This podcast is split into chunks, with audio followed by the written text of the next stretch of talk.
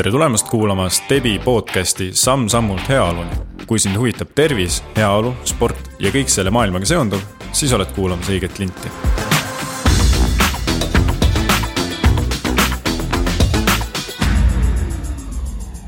tere tulemast kuulama järjekordset Stebi Samm-sammult podcasti. mina ikka Ott Blum, kuid minuga on täna ka kaasprofessor ja geeniteadlane Triin Laisk. tere, Triin. tere geeniteadlane ja kaasprofessor, äh, mina kummastki väga palju ei tea, aga siis äh, ongi lihtsam, kui sina sellest ise võib-olla räägid. et kes, kust ja miks, et kes on Triin igapäevaselt ja millega tegeleb? no igapäevaselt ma tegelen geenide uurimisega selleks, et paremini mõista naiste tervist ja erinevaid terviseprobleeme ja kui teadustööst aega üle jääb, siis ma juhendan tudengeid, vahel annan loenguid. Ähm, vabal ajal kasvatan kümneaastast tütart ja kassi ja kui aega, kui sellest ka veel aega üle jääb, siis äh, katsun äh, sporti teha ja muidu elu nautida. super, nii et äh, tegevust jagub. aga kui rääkida täpsemalt geenimaailmast, siis või geenidega seotud maailmast, siis kuidas sinna sattusid? Ehm, no kui ma keskkooli lõpetasin, siis ma ei suutnud hästi valida, et kas minna arsti õppima või bioloogiat ja siis äh, lõpetasin ikkagi bioloogias ja sealt kuidagi äh, üks asi viis äh, teiseni. ja nüüd ma olen selle valdkonnaga siis juba kakskümmend aastat tegelenud mm. -hmm. kas on mõni eredaim mälestus ka äh, nii-öelda sellest teekonnast tänase päevani? Oh, ma ei tea, iga päev on äh, omaette mälestus ja sündmus, et äh, tore on olnud, see on võib-olla sihuke läbiv mälestus mm. -hmm.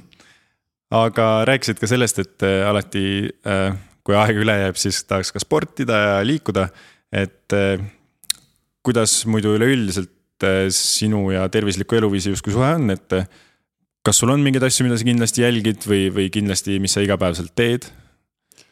no ma tahaks öelda, et minu ja tervisliku eluviisi suhted on head. Äh, et ma proovin selliseid tervisliku eluviisi põhimõtteid ikkagi igapäevaselt ähm, jälgida. ja ma arvan, et selline läbiv märksõna on tasakaal, et erinevate elu osade ja aspektide vahel peab siis olema selline normaalne tasakaal, et millegagi ei läheks äh, liiale, miski ei kannataks, sest et noh, kui sa kuskile suunad rohkem energiat, siis mingi teine valdkond, eks ju, kannatab, et Äh, noh, baasvajadused peavad, eks ju, kaetud olema, et äh, hästi oluline on selline korralik ööuni. et äh, see annab kohe tunda, kui ma olen kehvasti maganud, et siis, siis läheb päev untsu. Ähm, söön palju puu- ja juurvilju, liigun hästi palju jala, et mul on küll auto, aga kui vähegi võimalik, siis käin igal pool jala, et Tartu on selles mõttes ka ülihea linn selleks, sest kõik on käe ja jala juures. Ähm, et ähm, ja noh, muidugi trenn kui selline, selline organiseeritud treening on ka tähtis, sest see jälle paneb nagu aju teistmoodi proovile mm. -hmm. aga nüüd äh, kakskümmend aastat äh, geenide uurimist, kas see on ka sind kuidagi mõjutanud äh, vaatama justkui tervist või tervislikku eluviisi teistmoodi? no kindlasti on ja ühelt poolt kasvõi juba sellega, et eks ju kõrgema haridustasemega inimesed on natuke terviseteadlikumad, on ju, et mida rohkem ma siin teadusega tegelen, rohkem loen ja uurin, seda teadlikum ma olen igasugustest äh, terviseriskidest ja sellest, kuidas mingid valikud mu äh, elu mõjutavad. kui rääkida kitsamalt äh, naiste tervisest, siis millega mina tegelen, eks ju, siis ka see on vastava valdkonna teadlikkust suurendanud ja näiteks Äh, üks minu teadussuundadest on äh, emakakaelavähi geneetiliste riskifaktorite uurimine ja selle valdkonnaga tegeledes on minu jaoks saanud selgeks, et kuivõrd oluline näiteks on osaleda riiklikes screening programmides, et siis vähki ennetada ähm,. nii et noh, see on kindlasti nagu selle valdkonna sihuke otsene mõju mm. -hmm. nii et teadlikkus ja e-, ennetustöö on sulle sisse raiutud, et äh, tänu, tänu su tööle? Äh, see on kindlasti mulle sisse raiutud ja ma proovin ka omalt poolt sellesse panustada, siis on ju kasvõi nagu näiteks täna siin mm -hmm. oma tööst äh, rääkides, et, äh, et ma loodan, et kui inimene on ju kuuleb, et ma räägin emakakaelavähist, et screening on oluline, et siis, siis see teadmine jõuab ka temani mm. -hmm. aga pean ära küsima klassikalise küsimuse mida Stebis pean, kõik, kõik peavad vastama sellele, ütleme niimoodi. et mis on heaolu sinu jaoks?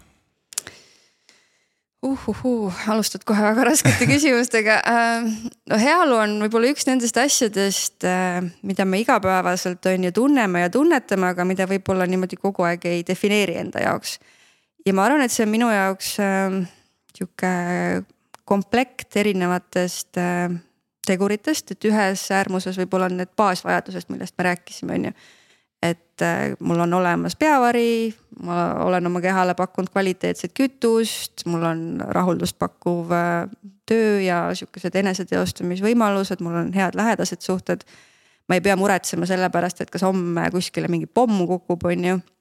et kui kõik need on kaetud, siis jääb aega nendeks kirssideks tordi peal, mis on siis need siuksed ägedad hetked igapäevas, kus sa märkad, et noh, ma ei tea, praegu on väljas sügis on ju, et oo, see puu on mingit üliägedat värvi või täna on eriti ilus päikeseloojang või kuskil on nagu tänaval nunnu kass, et, et kui. kui mul on kõik hästi ja mul jääb aega ja energiat selliste asjade märkamiseks, siis see ongi minu jaoks heaolu mm. -hmm.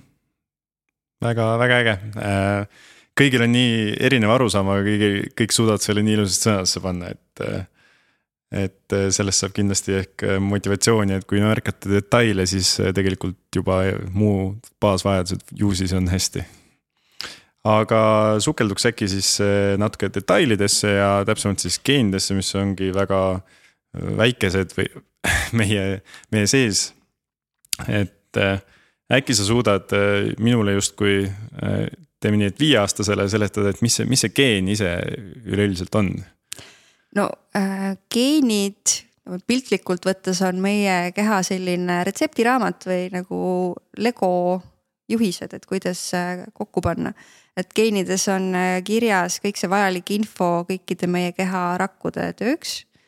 Ähm, et rakud tehakse, on ju, milliseks rakuks nad peavad saama ja kuidas ja millisel ajahetkel tööle hakkama. ehk siis äh, juhised meie keha toimimiseks mm. -hmm ja selle uurimine praegusel hetkel on äh, oluline, sest kas me saame neid kuidagi mõjutada või mis on see põhjus, miks me neid uurime tegelikult? Äh, no siin on nüüd, on ju kaks küsimust, et ähm, noh, geenide mõjutamine on võib-olla natuke sellisem äh, utoopilisem valdkond, et noh, seda üritatakse teha ja, ja mingites kontekstides ka tehakse, aga see on ähm, kindlasti selline valdkond, mis võib-olla nagu igapäevaselt inimeste ellu niimoodi ei jõua. aga miks, äh, miks geene uurida, on see, et äh, kuna seal on, on ju juhised meie keha toimimiseks, siis seal on äh, olemas info ka meie haigusriskide kohta.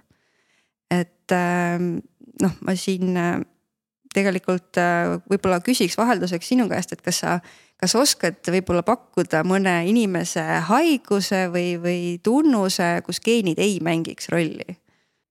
kus geenid ei mängiks rolli? jaa. keeruline, tavaliselt, tavaliselt on, räägitakse ikka, et geenid on seotud ja kuna me pärime oma geene ja, ja kõik see pärilikkus on ka sellega seotud, siis tavaliselt, tavaliselt äh, me ei saa nagu vaadata üht ilma teiseta, ehk siis ja, geenid ja haigused käivad justkui käsikäes. ja see on, see on kusjuures väga hea vastus, ma tihti küsin seda küsimust loengutes tudengite käest ja nemad näiteks ütlevad, on ju, et noh, vigastused, jalaluumurd mm. -hmm aga noh, mina jälle siis küsin on ju vastu, et kas näiteks luutihedus on geneetiliselt määratud, siis nad jäävad mõtlikuks, et noh, jaa, tead, tegelikult on ikka küll. ja noh, nii palju me oleme siin aastate jooksul uurides teada saanud, et äh, praktiliselt kõiki meie siis haigusriske ja meie tunnuseid on ju, et kui pikad me oleme, kui palju me kaalume, mis, milline meie välimus on, et seda kõike mõjutavad geenid.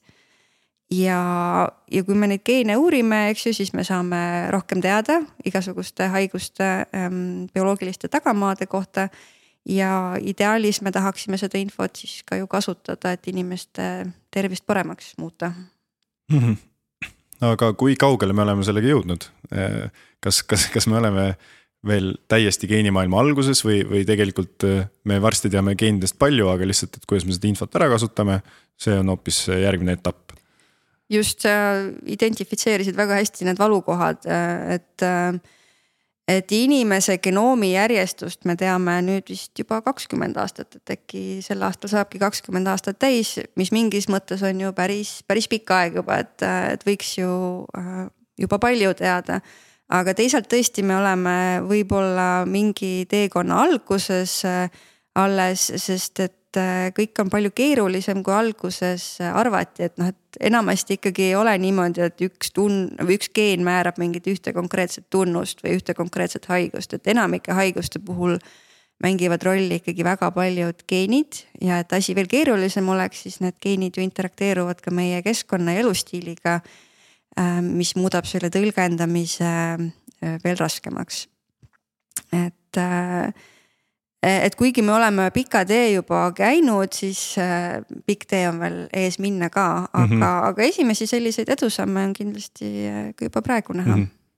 sest noh, oleme kuulnud, et nüüd on ju tegelikult geenide kaudu võimalik ikkagi jah, justkui ette teada mingil määral ka tõesti kaasa hoida haigusid ja eh, kindlasti, et eh, geneetilist infot eh, saab rakendada siis ka tervishoiusüsteemis, nüüd kas ja kuidas rakendada, see sõltub siis konkreetsest haigusest mm. -hmm et on, on selliseid haiguseid, kus tõesti üks konkreetne geenidefekt ähm, mõjutab niivõrd palju selle geeni tööd, et tulemuseks on mingi konkreetne haigus.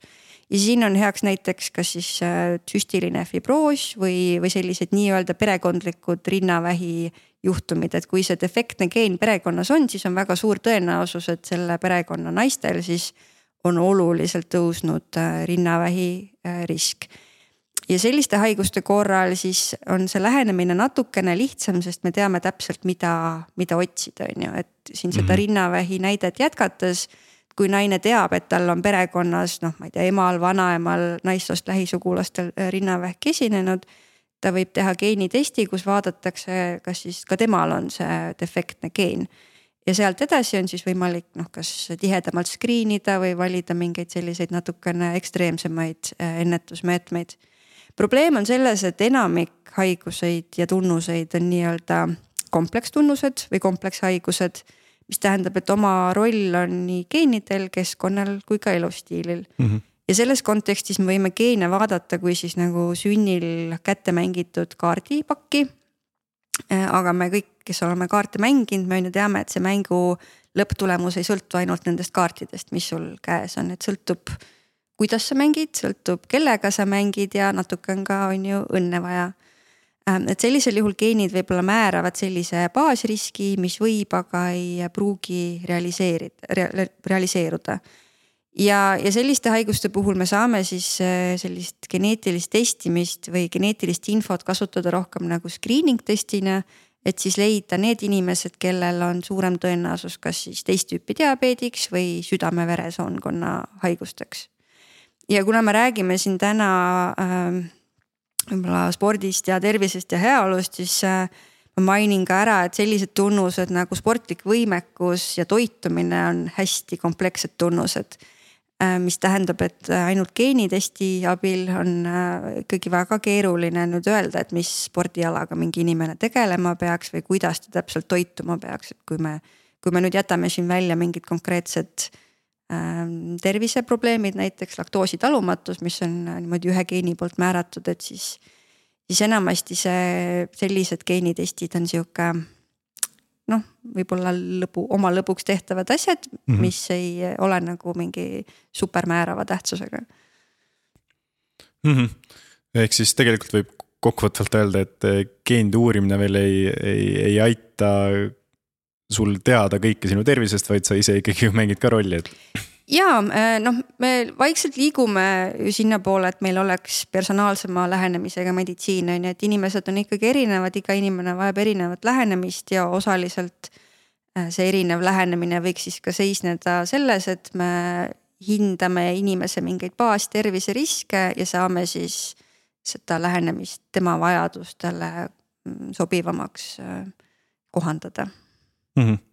aga kas kas sihuke geeni uurimisel on ka äh, välja mõeldud selline ilus lõpp-punkt, kuhu võiks jõuda või et kus on see tipp, mida me saame näiteks geenide abil teada või, või on see, kuhu me tahame jõuda mm,? ma jälle noh, mul on see tüüpilise teadlase probleem, et ma ei oska siukseid mustvalgeid vastuseid anda, on ju, et igal pool tuleb. aga olgem reaalsed siis igale pool tuleb ette see, no see sõltub, eks ju ja, ja ma kardan, et kui ma praegu siin midagi välja käiks, siis ma jälle natuke lihtsustaks mm -hmm. seda, seda pilti, et kuna veel nii palju on seda, mida me ei tea.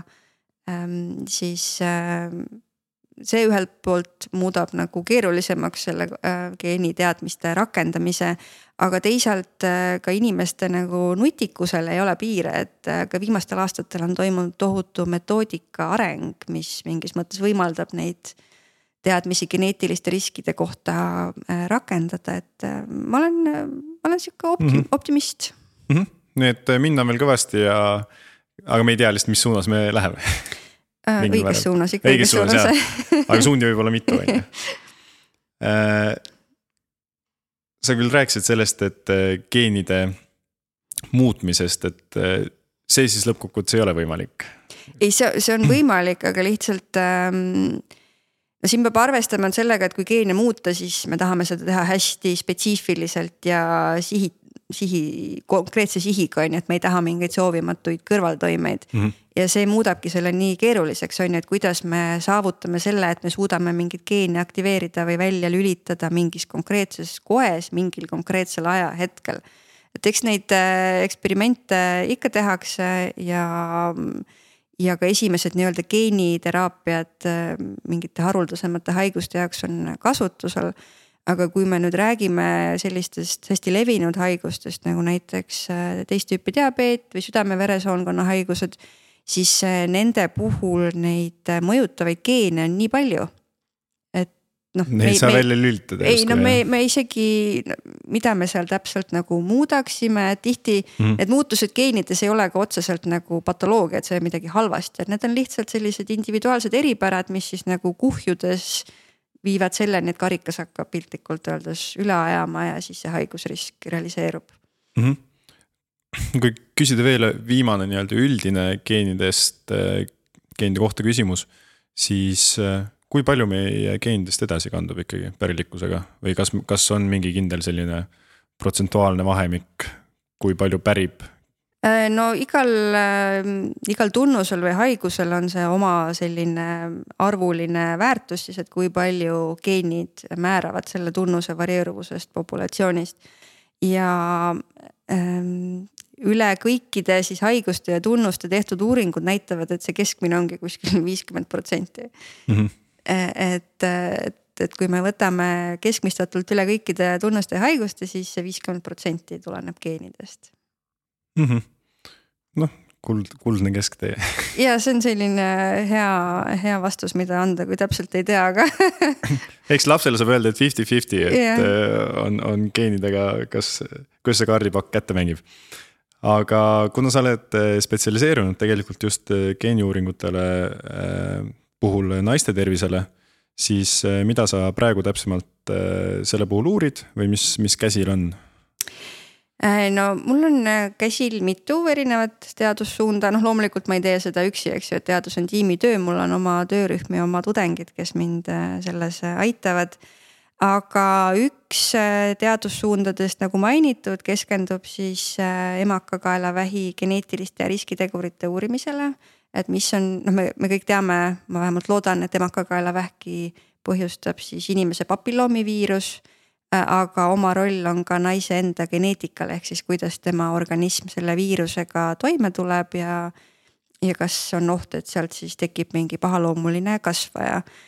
ja selle teadusprojekti noh, siis selline ülim eesmärk äh, võiks siis olla see, et, et äkki me saame infot geneetiliste riskifaktorite kohta kasutada siis screening programmide efektiivsemaks äh, muutmiseks, et me suudame leida need naised, kes siis äh, peaksid olema kõrgendatud tähelepanu all.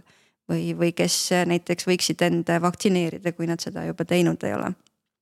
ja nüüd teine suurem suund, millega ma just hiljuti alustasin ja mille Äh, tegemiseks või uurimiseks ma sain ka siis äh, L'Oreal äh, UNESCO Naised teaduses noorte talentide programmi stipendiumi Eestis.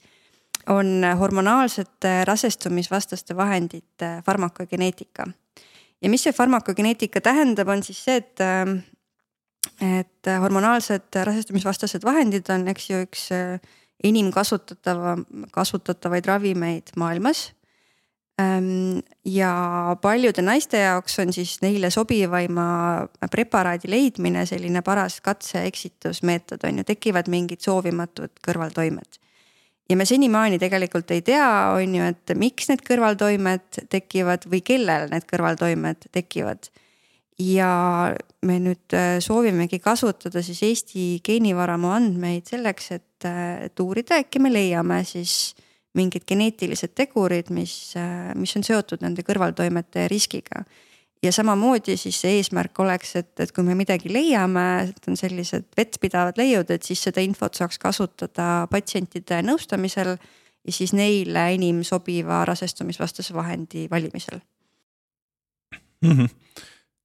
eks sa nüüd praegu seletasid vist äh, hästi lahti ka, miks on vaja meeste ja naiste geene eraldi uurida kui me räägime näiteks ravimitest või, või, või, või üleüldiselt, et äh, me ei saa, ühe puuga ei ole vist löödud geenid ehm, no üldiselt, kui me jätame välja sugukromosoomid, siis on ju geenid on meil tegelikult samad, sest kuigi on ju, on meil raamatud, et mehed on Marsid ja naised Veenuselt, siis me tegelikult oleme kõik ikkagi üks liik.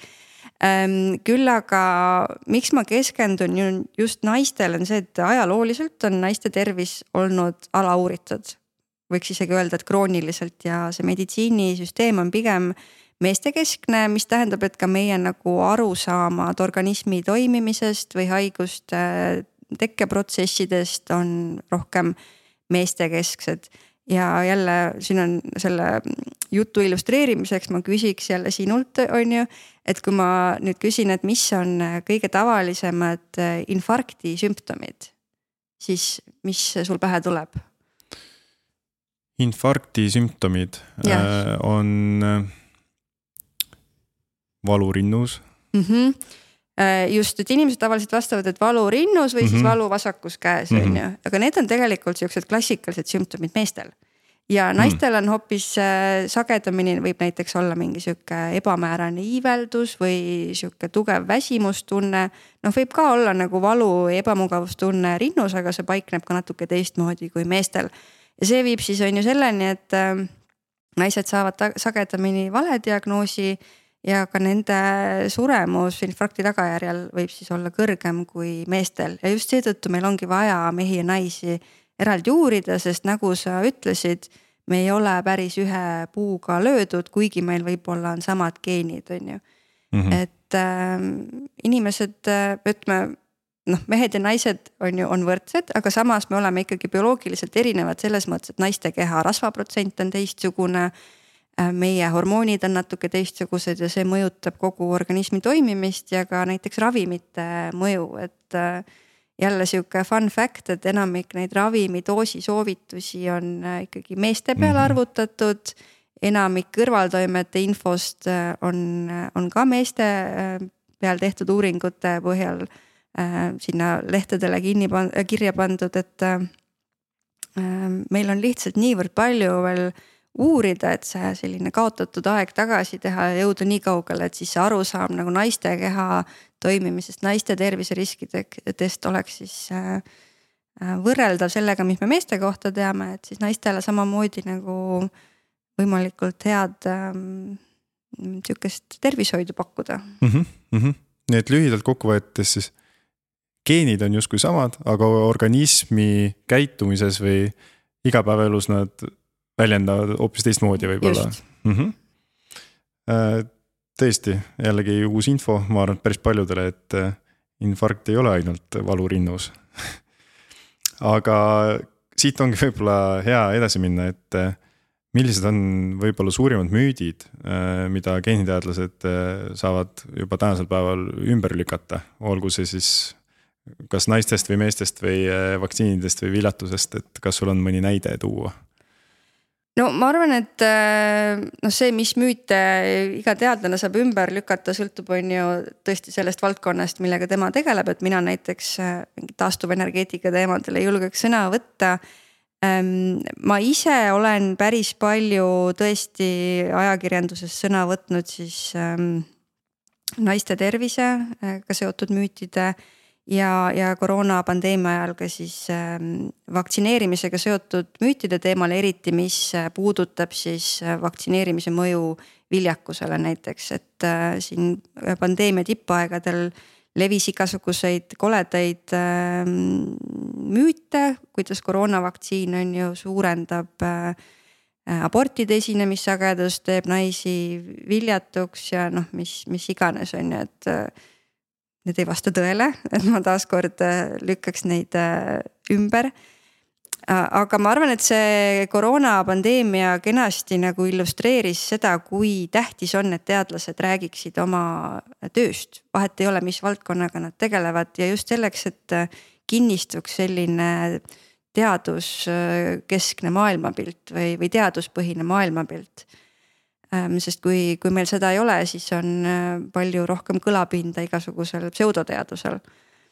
ja ja teadlaste jaoks on oluline oma tööst rääkida ka seetõttu, et kõik need, need geeniuuringud, millest me siin täna oleme rääkinud, on ju, et äh,.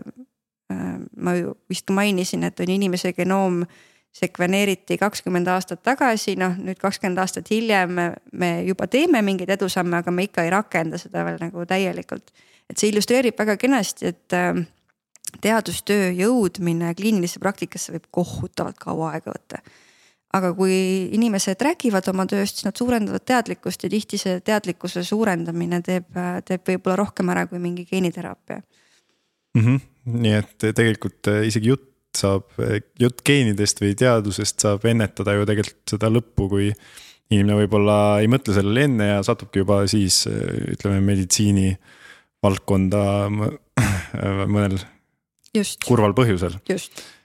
aga kui näiteks äh, ma mõtlen, et okei okay,, mul on hästi palju nii-öelda minus on äh, geen ja seda vajab uurimist ja, ja praegu seda uuritakse ka ja ma saan mingeid asju enda jaoks teha, mida ma saan uurida, siis äh, kust üks tavaline inimene võiks alustada, kui, kui ta pole mitte kunagi lasknud meelega oma geeni uurida, aga tal on huvi siis nii-öelda lugeda midagi välja sealt? no mm, sellega on nii, et kui sul perekonnas ei ole mingeid Äh, nii-öelda tugevalt geneetilisi haiguseid, on ju, näiteks mingid vähivormid või äh, muud väga sellise raskete sümptomitega haiguseid, ähm, siis on tõesti raske kuskilt peale hakata, sest et ei tea, äh, mida otsida. Ja kuigi on päris palju selliseid otse tarbijale suunatud geeniteste turul, siis tihti nende probleem on see, et nad jätavad inimese selle infoga üksi et sa on ju saadad oma DNA proovi kuskile testimisse, sa saad mingi raporti, aga kui sul nüüd ei ole kas meditsiinilist või bioloogilist haridust, siis. noh, sa võib-olla ei oska sellega midagi peale hakata ja see, see hirmutab sind.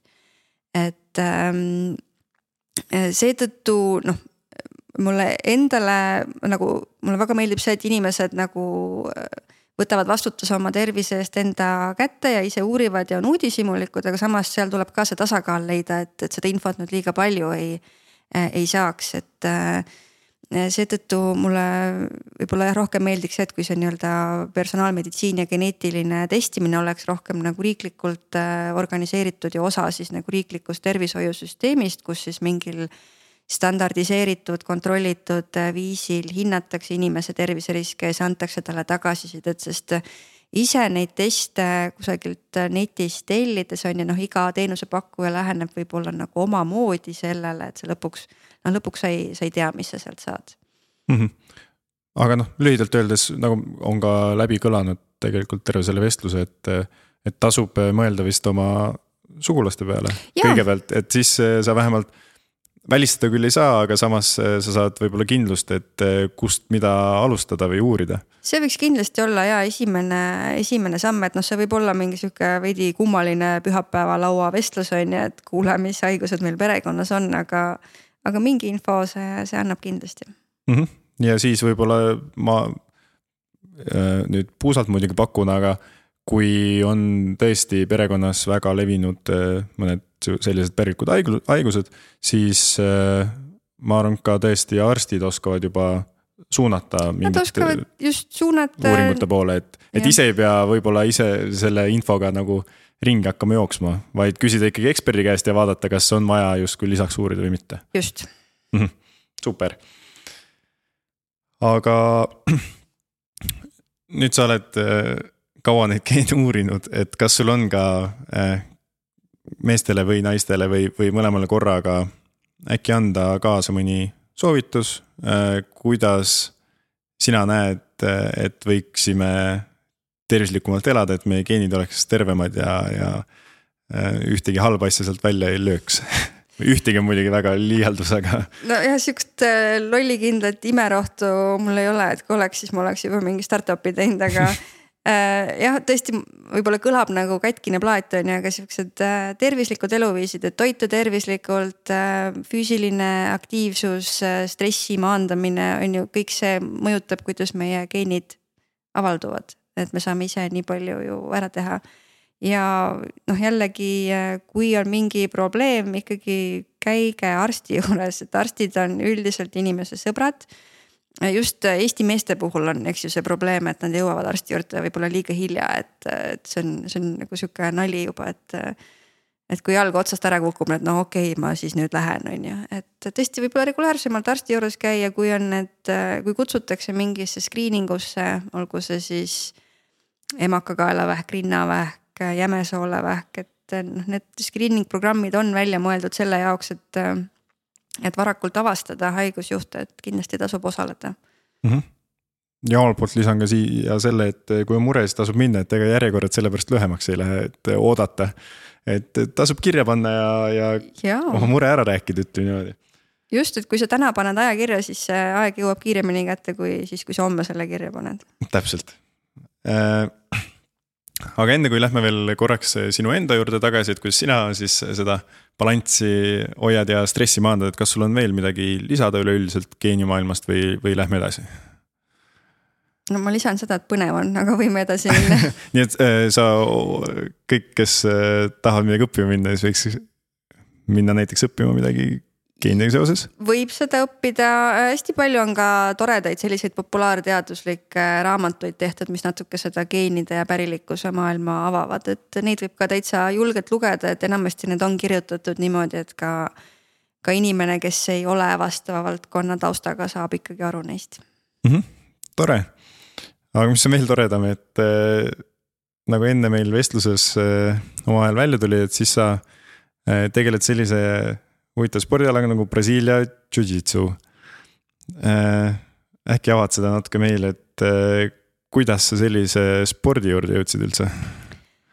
Ähm, ma natuke võib-olla räägin, mis see Brasiilia Jiu-Jitsu on. jah, alustame sellest Just. muidugi äh,. Brasiilia Jiu-Jitsu ehk siis lühidalt jits või maasvõitlus on siis ähm, kontaktspordiala ähm,. ja mulle meeldib see, et seda võrreldakse äh, siis selliste asjadega nagu inimmale või agressiivne kallistamine, mis mulle endale väga meeldib, on siis võrdlus, et see on justkui riiete kokku voltimine, nii et inimesed on seal samal ajal veel sees. Äh, ehk siis väga-väga lõbus. Ähm, aga mina jõudsin selle spordiala juurde siis aastal kaks tuhat seitseteist, nii et äh, juba kuus aastat. ja sellega oli niimoodi, et mingi hetk äh, ma teadvustasin enda jaoks, et on olemas sihuke asi nagu MMA, eks ju, on ju mingid tüübid puuris kaklevad, see tundus nagu vahva, aga samas mulle see löömise osa nagu üldse ei meeldi. ja siis ma olin äh, väga meeldivalt üllatunud, kui tuli välja, et on olemas ka siis eraldi selline ala nagu maasvõitlus. mis siis ongi see Brasiilia Jiu-Jitsu, kus seda löögi poolt ei ole ja siis vastase alistamine toimub siis kas mingite liigeselukkude või kägistustega näiteks.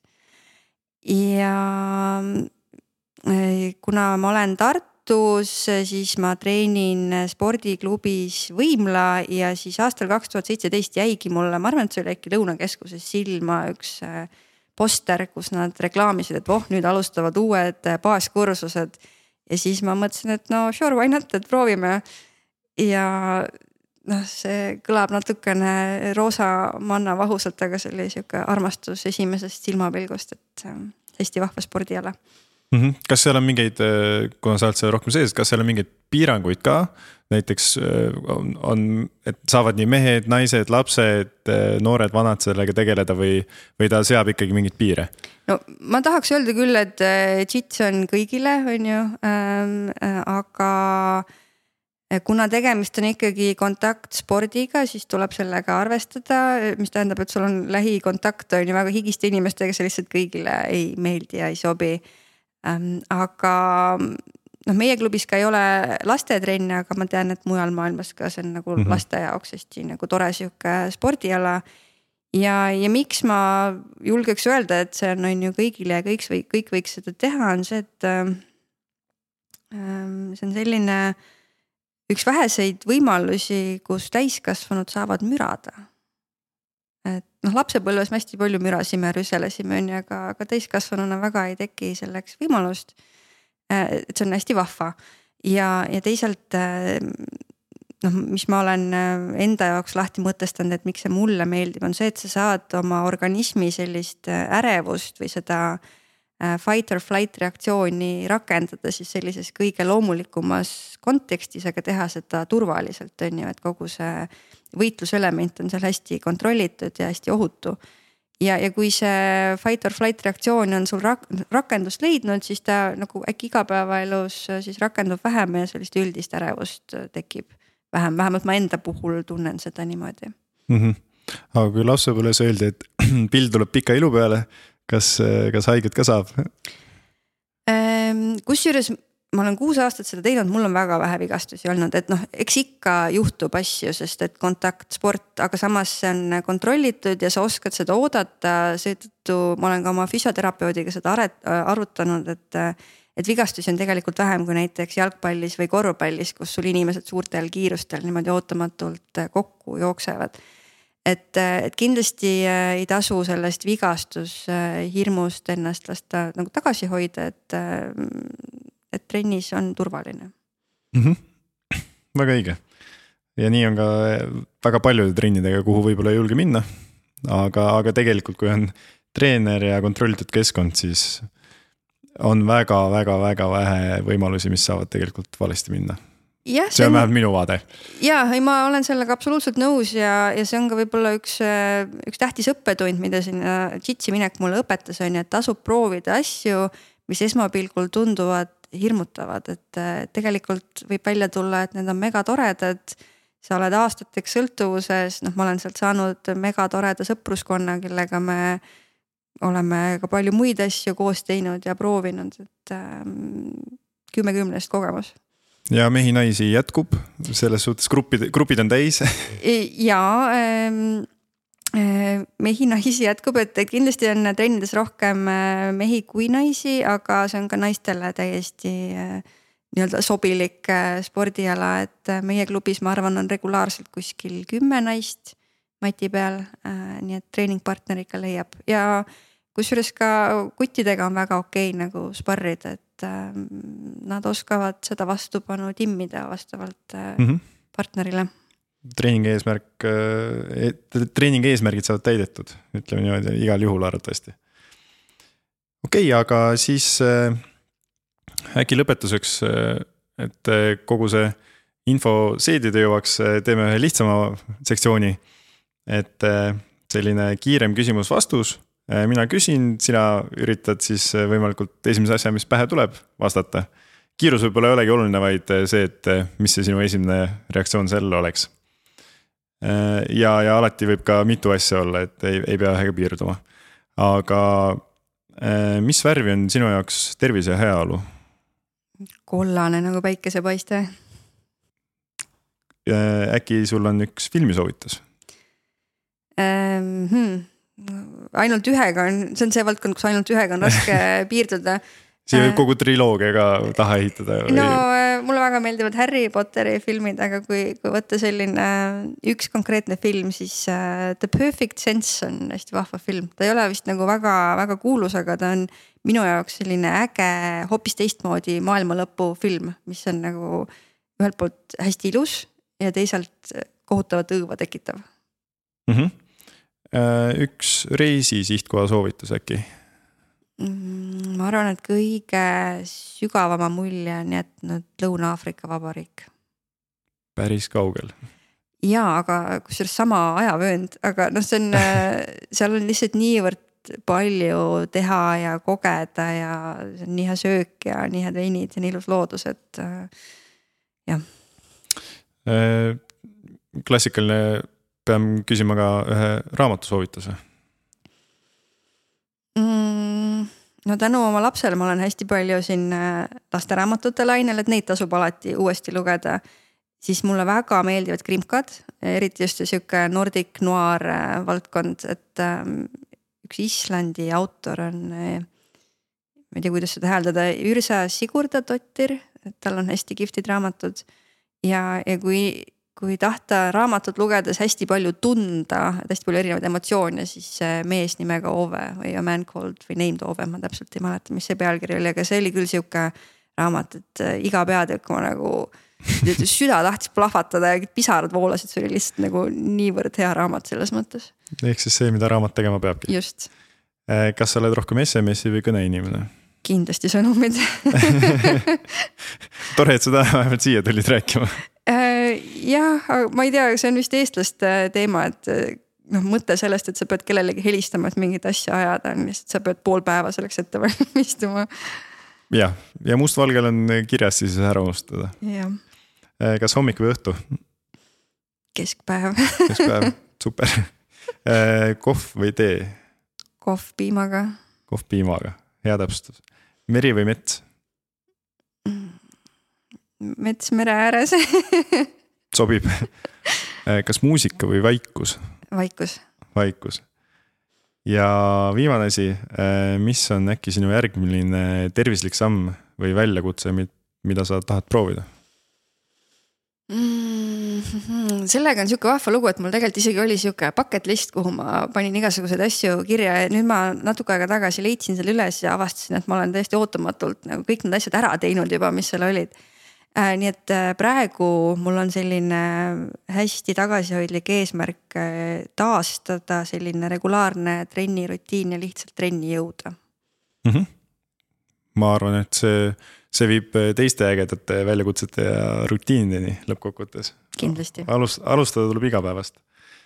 ja võib-olla siia lõpetuseks, et, et täpselt kui rääk-, räägime igapäevast kas sinu igapäevas on mingi selline üks asi, äh, mida sa iga päev teed, võib-olla sa ei pane seda ise tähelegi, aga mis hoiab sinu elu näiteks korras või, või et siis sul on kõik hästi, kui sa seda teed? Ma arvan, et äh, värskes õhus kõndimine, see aitab, äh, noh näiteks hommikul ma jalutan tööle, see aitab, on ju, päeva planeerida. pärast tööd koju jalutamine aitab jälle natukene niimoodi maha laadida ja mõtteid korrastada, et see kõndimine on kindlasti hästi oluline minu jaoks mm. -hmm. super, aga ma loodan, et äh, kes iganes seda kuulab, äh, äkki kõnnib samal ajal, saab äh, topelt heaolu ja targaks ka. Aga sellisel juhul äkki tänaseks tõmbame otsad kokku. võtame kaasa äkki selle, et esiteks teadus on äge. teaduse uurimine on kindlasti äge.